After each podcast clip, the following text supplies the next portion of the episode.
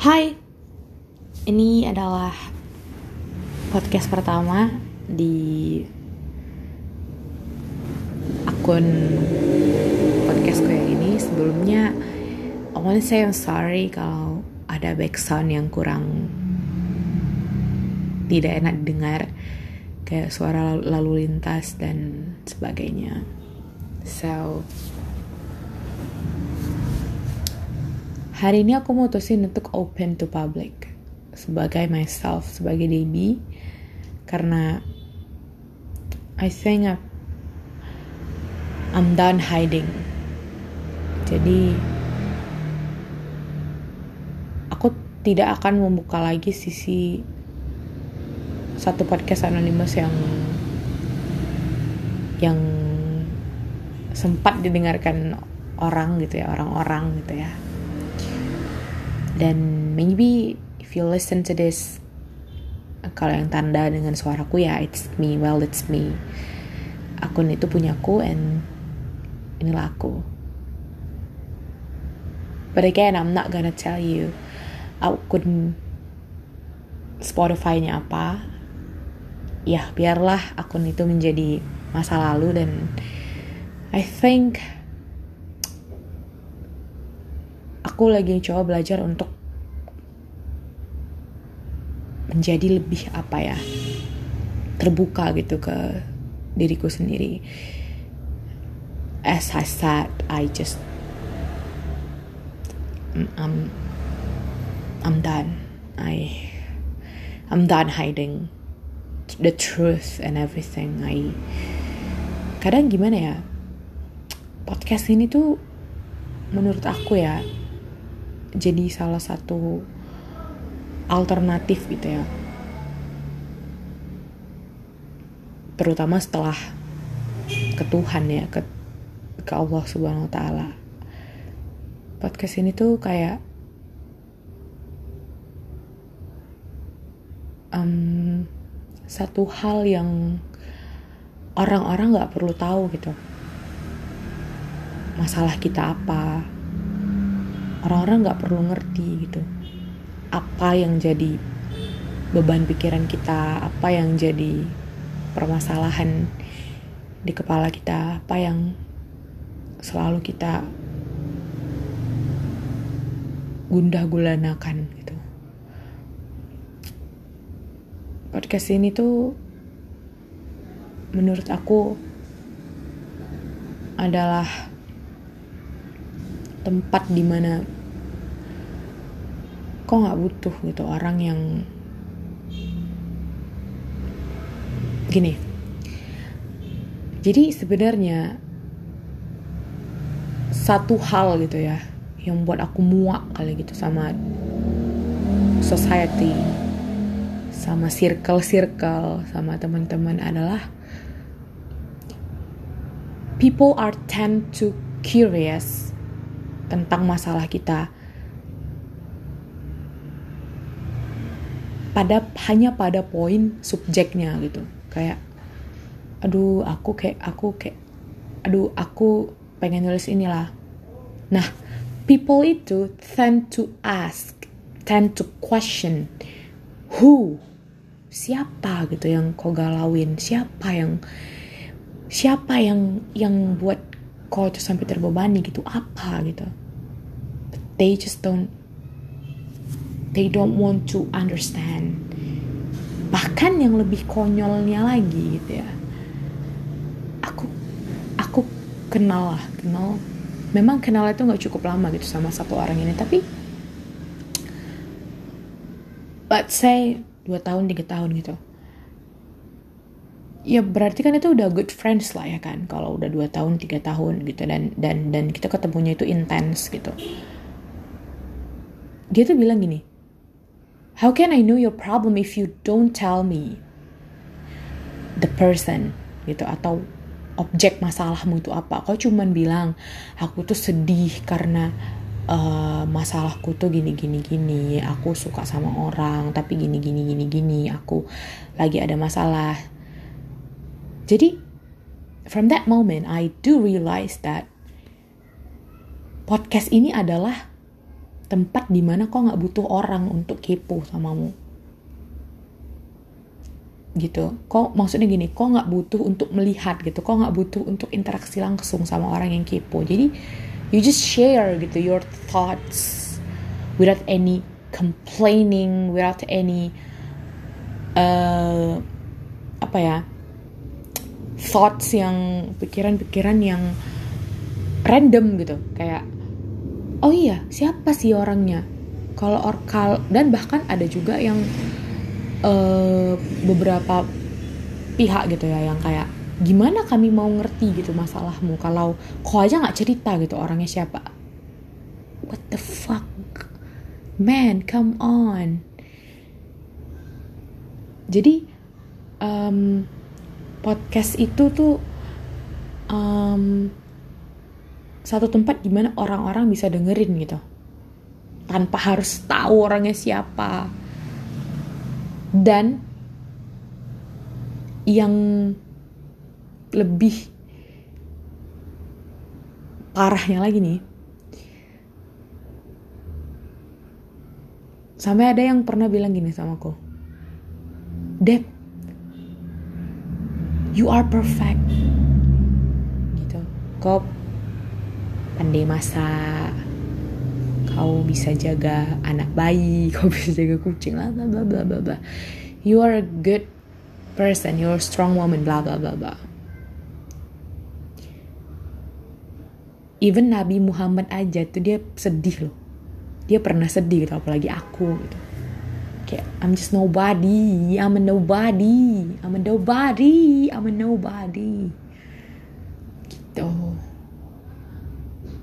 So, aku pikir kayaknya masalah kita tuh sama sih kayak kita cuman butuh orang yang tanpa perlu gitu ya. Sebenarnya bukan orang tapi kita perlu satu hal gitu ya satu hal. Entah itu orang entah itu media entah itu apalah gitu satu hal di mana kita bisa gitu cerita masalah kita tanpa tanpa harus detail gitu tanpa harus apa ya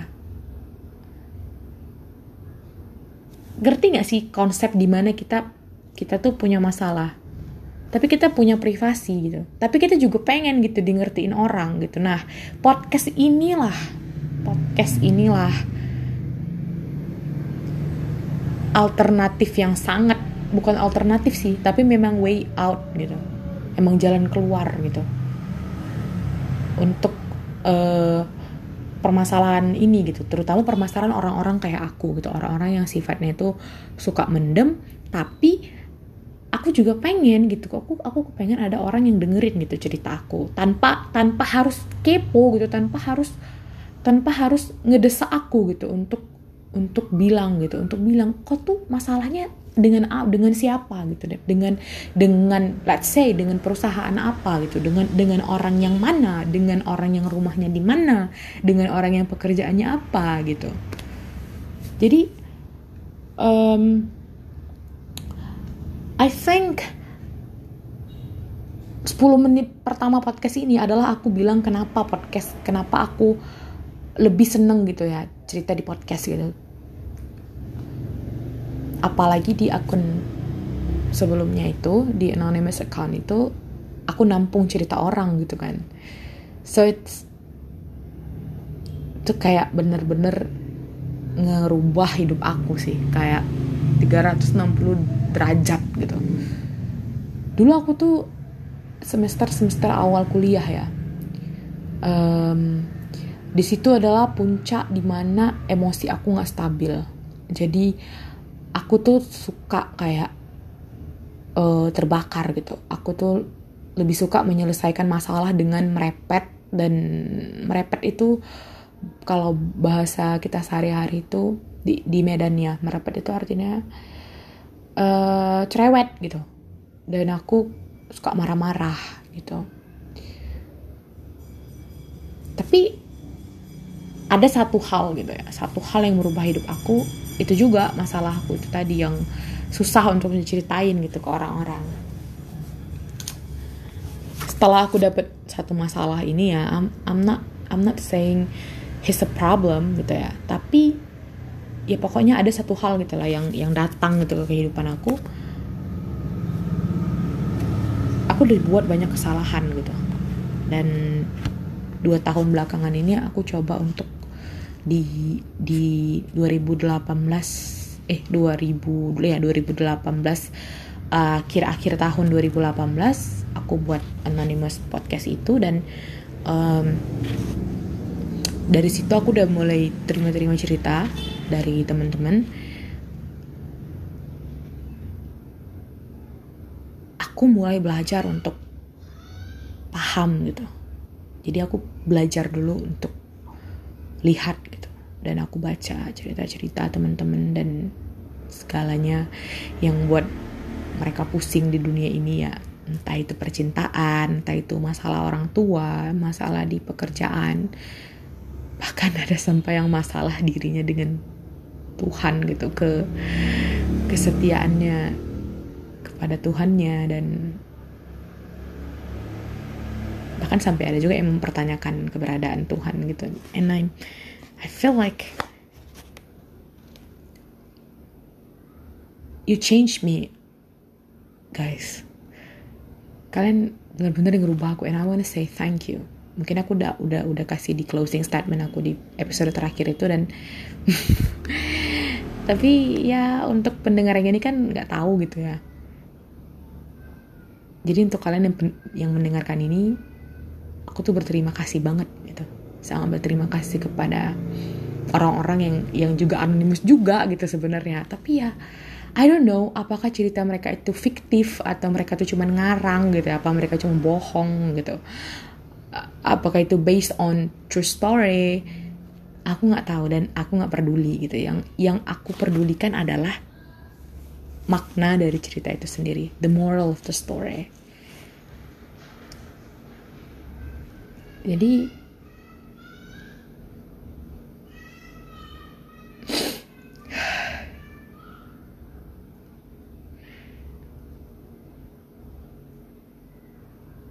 sebenarnya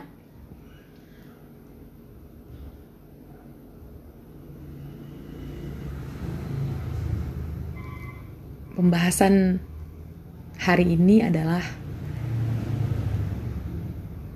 I wanna say to you I wanna I wanna share something. Dan sebenarnya bukan pemikiran aku sendiri sih tapi aku orangnya suka baca gitu ya. Jadi I think di masa-masa sekarang ini and I know pendengar podcast ini sekarang itu usianya beda satu tahun ya atau dua tahun adikku gitu. Dan kita lagi mengalami fase yang sama gitu di usia yang sama dengan permasalahan yang berbeda-beda. Aku mau share satu tulisan gitu ya.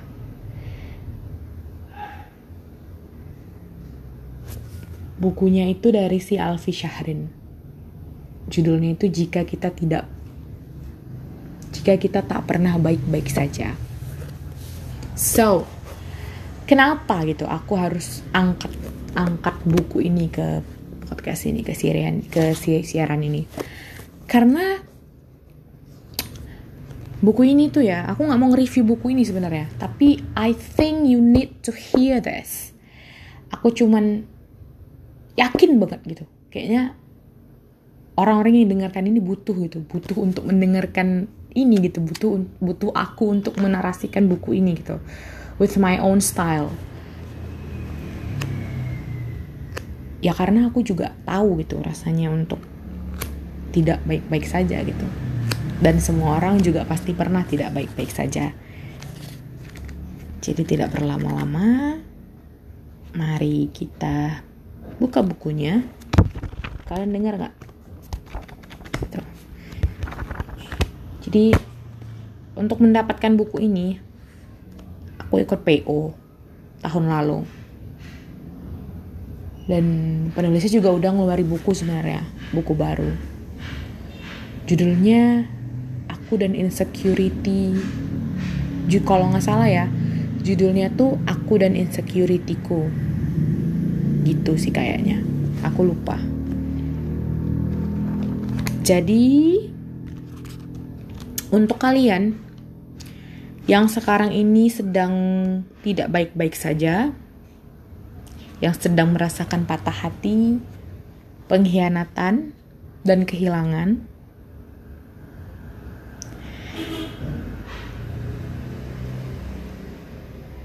aku mau baca ini satu chapter judulnya itu I wake up with fears still missing you jadi yang aku baca ini tuh isi hatiku. Jadi untuk kalian yang banyak-banyak kepo doang gitu tapi you don't wanna know you don't you, you don't want to understand you just you just wanna know. Beda ya you wanna know and you would wanna understand itu beda. Jadi daripada kepo dan you blame me karena nggak mau cerita so you don't want to understand me ya aku kasih tau aja nih. Ini dia. Oke. Okay. tadi judulnya I wake up with tears still missing you. Page 23 where are you? Oke. Okay ada ada tiga bait nih. Katanya gini. Tak ada hujan yang tak pernah mereda tak ada banjir yang tak pernah surut semuanya nanti berlalu juga kok nah, ini dia pagi ini kamu masih terbangun dengan air mata yang tak pernah diundang rasanya lelah ya melangkah sendiri seperti ini Capek ya terasa merasa sakit seperti ini. Namun, bukankah hujan sederas apa pun pasti mereda? Pernahkah kamu mendengar kisah tentang hujan deras yang tak pernah mereda? Bukankah badai sehebat apa pun pasti akan menenang? Pernahkah kamu mendengar kisah tentang badai yang tak pernah berakhir? Bukankah banjir separah apa pun pasti akan surut juga? Pernahkah kamu mendengar kisah tentang banjir yang tak pernah surut? Iya kan? Semua akan berakhir kan? Kita aja yang belum tahu waktunya. Namun, pasti berakhir kok. Pasti. Insya Allah. Nah itu. Cuman satu lembar aja ada sekitar 20 baris tulisannya. Penulisnya itu enggak Penulisnya itu cuma bilang kalau badai pasti berlalu. Sederas apa pun hujan, pasti bakalan reda.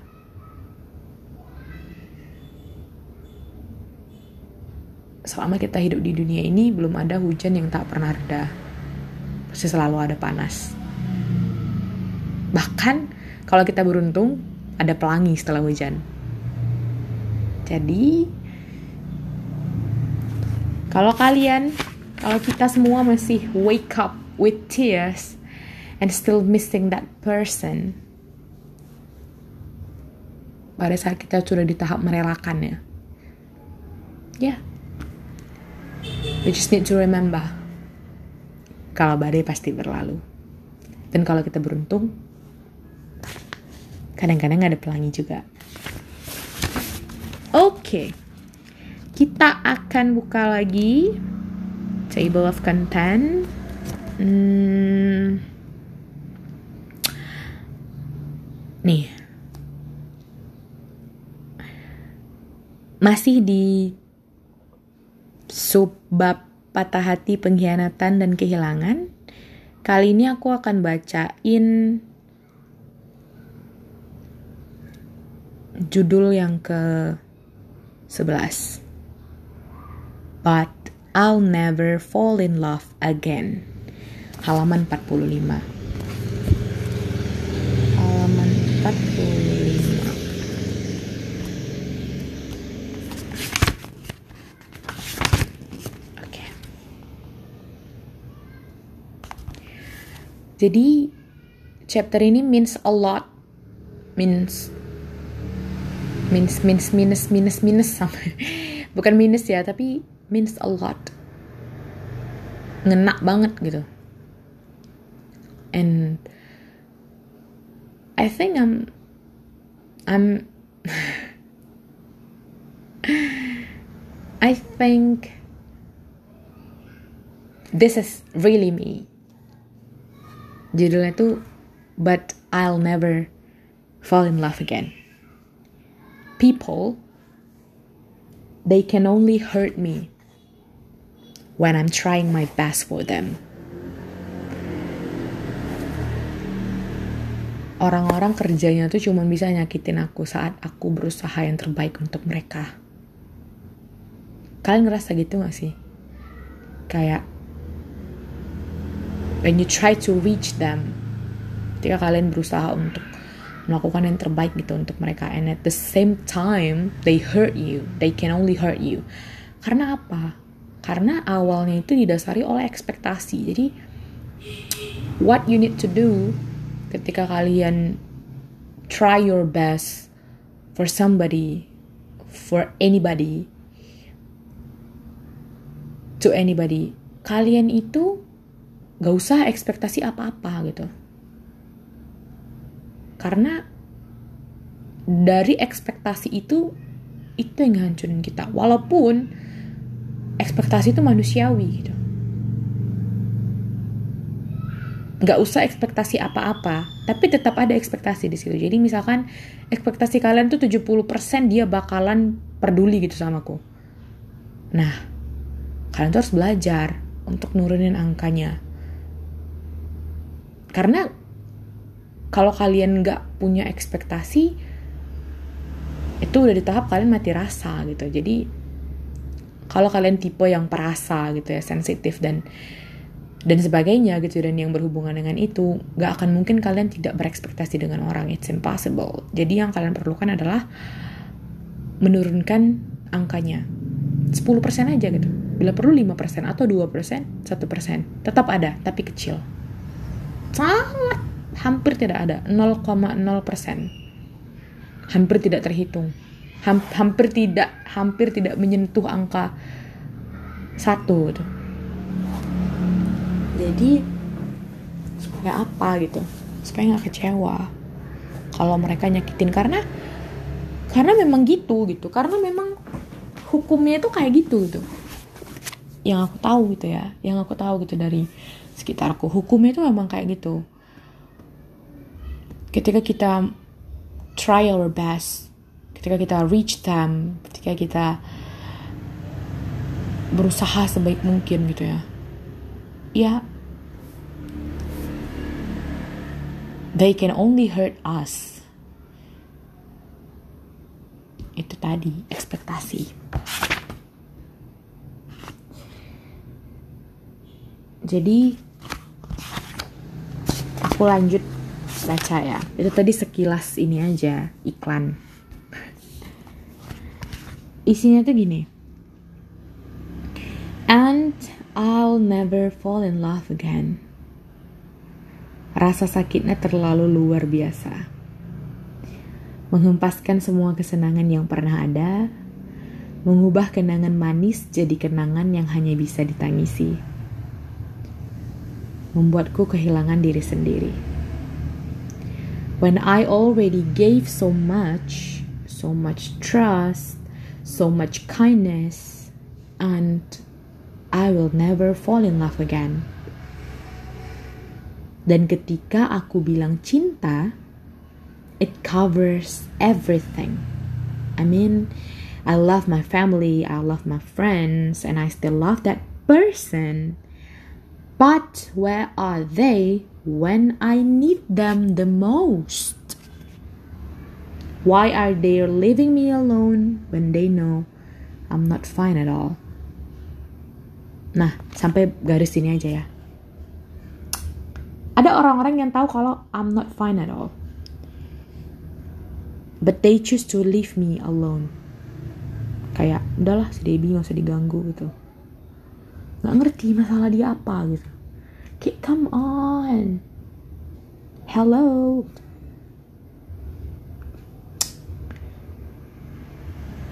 Jangan sampai orang-orang kayak yang kayak gini gitu ya. Itu tuh they don't wanna invest their self in people anymore.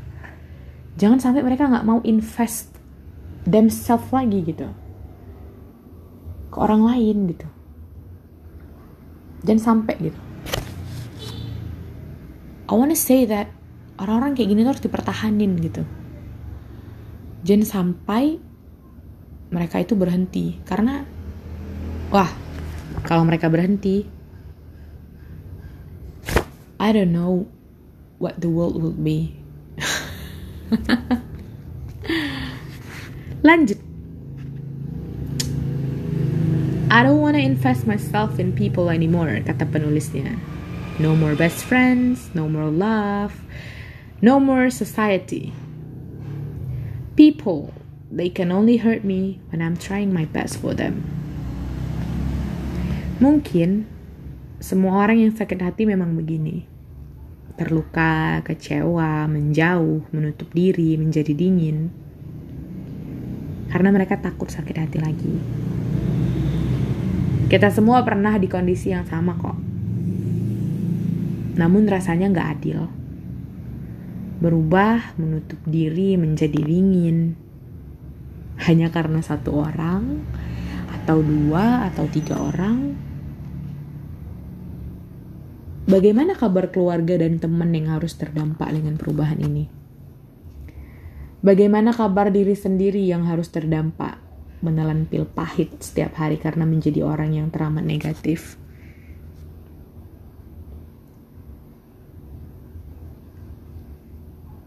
I just wanna say that satu orang itu memang udah ngancurin hidupmu. Tapi udah cukup. Dirimu jangan dihancurkan lebih buruk lagi dari ini. You. You stay kind for yourself. And for the people around you. Because you matter. And the people who left you don't. Merinding gak tuh dengernya? Aku aja merinding bacanya loh. Karena apa ya? Kita tuh sebenarnya sadar gitu kalau yang kita lakukan itu bodoh gitu.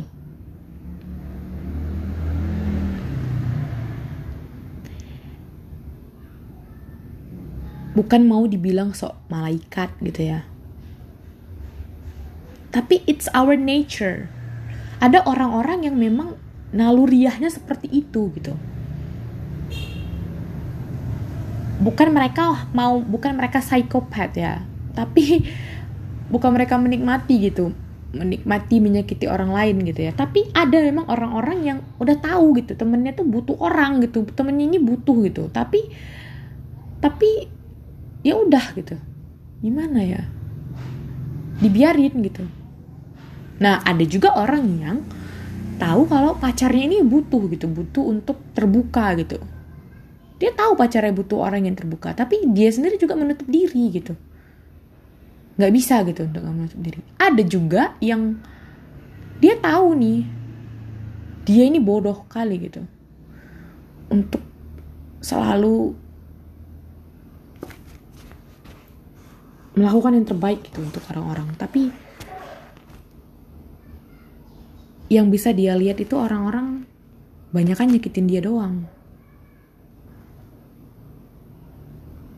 ada orang-orang yang memang too much. Ada. And that kind of person itu harus dipertahanin. Orang-orang yang too much ini harus dipertahanin. Too much dalam artian yang yang sayangnya itu too much perhatiannya itu too much how they treat people itu too much. Ada orang-orang yang memang seperti ini, orang-orang sensitif yang seperti ini tuh ada di dunia ini.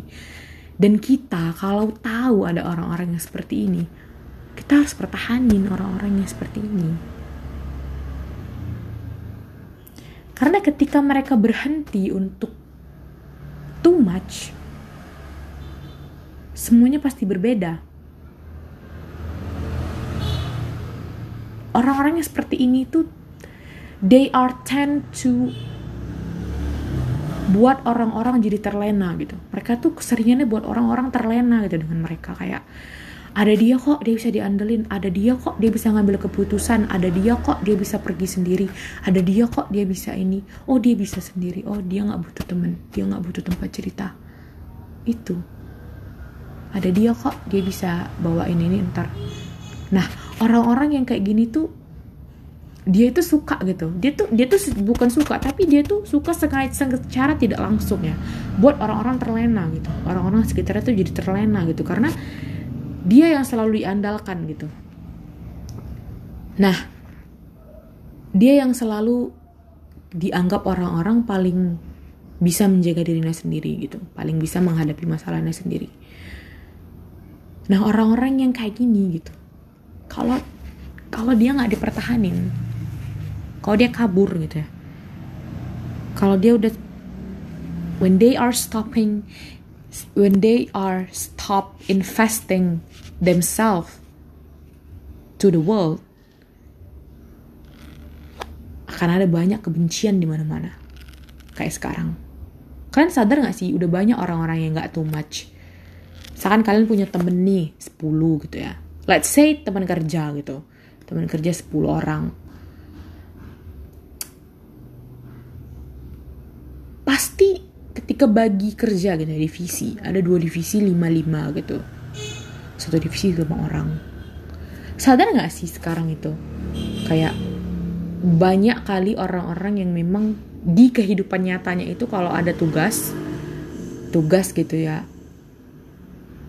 dalam satu kelompok ada lima orang pasti ngerjain cuma dua atau satu. Nih orang-orang too much tuh itu. Orang-orang yang seperti itu. Nah yang tiga lagi yang tiga lagi ini adalah orang-orang yang seharusnya mempertahankan gitu orang-orang yang too much seperti ini gitu. Mereka itu fine loh untuk untuk mengerjakan segala tugas gitu ini analogi ya. Dan aku nggak nggak nggak nggak mau ada yang kesindir karena ini. Karena ini cuman perumpamaan. Jadi sebenarnya perspektif orang-orang yang mau mengerjakan tugas itu yang dua orang itu mereka itu juga nggak butuh gitu tenaga kalian.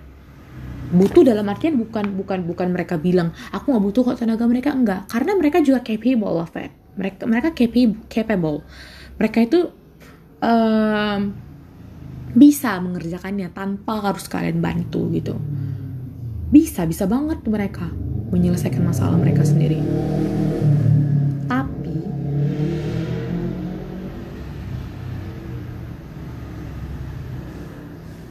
mereka itu juga butuh orang untuk tukar pikiran. Yang aku buat ini udah bagus belum ya? Mereka juga butuh orang yang yang aku catat ini kira-kira dampaknya gimana ya? Mereka juga butuh gitu orang untuk ngelihat gitu. Mereka butuh perspektif lain untuk untuk menilai. Walaupun pada akhirnya apa yang mereka kerjakan, apa yang mereka menurut mereka bagus, ya itu yang mereka akan mereka buat gitu, yang yang akan jadi keputusan mereka gitu. Nah, jadi perumpamaan kerja seperti itu ya, itu sangat banyak gitu di kalangan kita sekarang, di waktu-waktu sekarang ini, di akhir-akhir ini. Nah, pokoknya sekali lagi aku cuma mau bilang kalau kalian tahu gitu ya kalian tahu ada orang-orang yang memang too much gitu tolonglah dipertahanin tolong dipertahanin karena ketika mereka sudah tidak too much lagi the whole world will change ketika mereka udah menjauh mereka menutup diri mereka menghilang,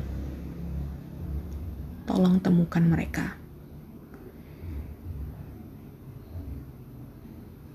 Dan I think ini mungkin cuman pemikiran aku atau apa ya.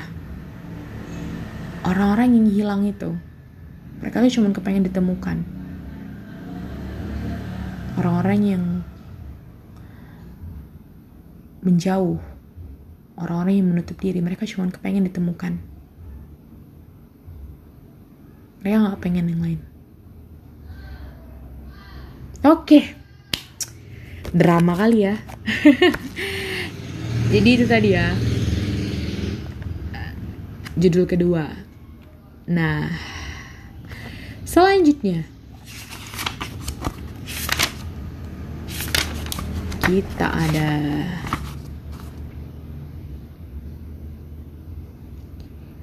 yang terakhir ya. Masih di sub patah hati pengkhianatan dan kehilangan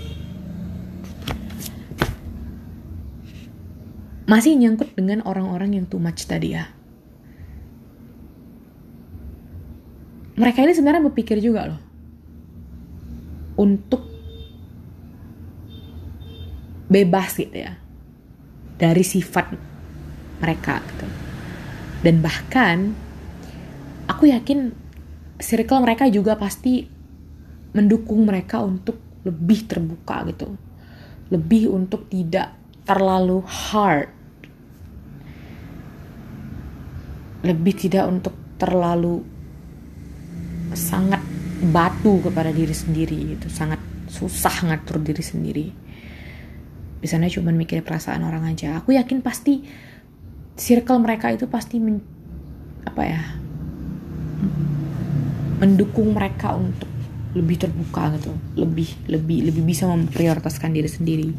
Tapi guys tapi ada juga satu pemikiran mereka yang kepengen egois gitu. Tapi pasti ada gitu pemikiran mereka yang kepengen egois gitu kepengen memikirin diri mereka sendiri gitu. Nah ini ini relate dengan tulisan si Alfi itu. Judulnya itu aku ingin jadi egois.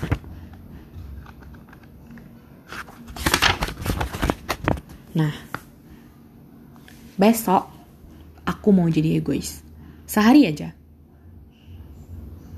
tapi gimana kalau besok adalah hari terakhirku? Itu dia. Kebanyakan orang-orang yang too much ini mikirnya gitu. Jadi mereka tuh pengen kali jadi egois. Pengen kali mikirin diri mereka dulu gitu baru orang lain. Tapi gimana kalau besok itu hari terakhir dia di dunia ini gitu? Kayak mana coba? Makanya itu yang buat mereka nggak bisa berhenti untuk jadi orang baik.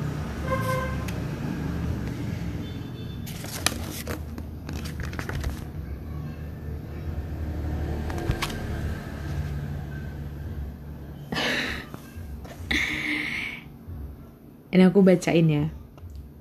Isinya itu sangat menusuk kalbu. Lumayan banyak sih. Gini orang-orang selalu bertindak semaunya. Dan aku selalu berusaha keras untuk menjaga hati mereka. Mereka merasa baik-baik saja. Bertatap muka dengan wajah tak sedap dipandang, tidak membalas senyum seorang teman, tidak membalas pesan seorang teman, berbicara dengan nada ketus. Jawabannya tahu apa?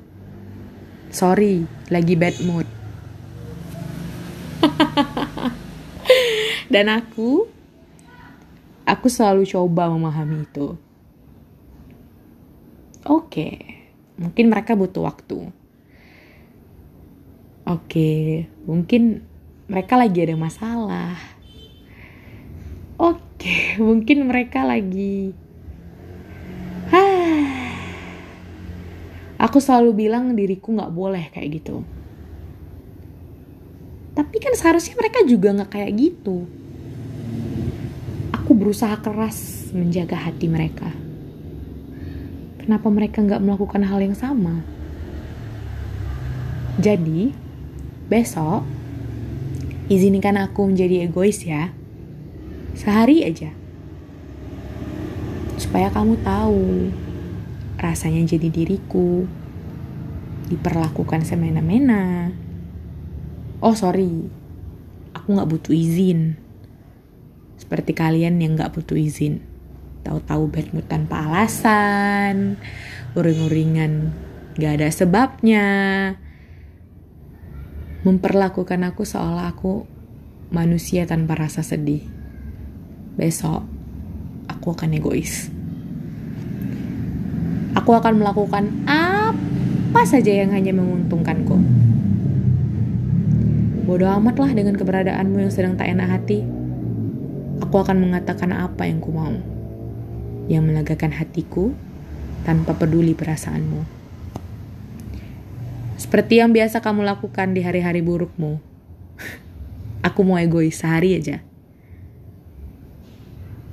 Namun, satu ketika,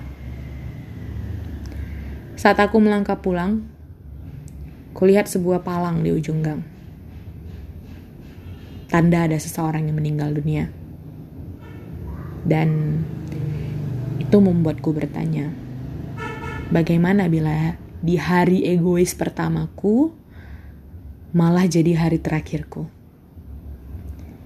Bukankah akan jadi akhir yang buruk? Kala itu aku berpikir lama sekali. Aku ingin jadi egois. Akan tetapi, aku takut besok jadi hari terakhirku. Aku ingin egois. Karena aku lelah menjaga hati orang-orang yang tak menjaga hatiku. Aku ingin sekali menjadi egois. Tapi bagaimana jika besok jadi hari terakhirku? Weh. jadi sebenarnya isi bukunya itu bahasanya itu nggak kayak gitu ya. Kayak dia itu menggunakan bahasa yang sesuai KBBI dan bahasanya itu sangat sopan gitu ya. Tapi kan seperti aku bilang di awal aku akan membacakan menceritakan menarasikan bukunya sesuai dengan gayaku. Jadi seolah-olah Debbie yang ngomong gitu guys. Kali ini aku cuman mau baca tiga aja dulu aku kayaknya mau buat lagi siaran. Masih akan membaca subbab selanjutnya dari buku ini. Masih banyak.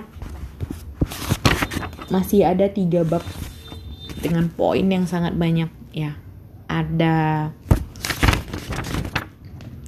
45 judul yang masih harus ada ada 43 judul yang masih harus aku baca dan aku akan menyelesaikannya sampai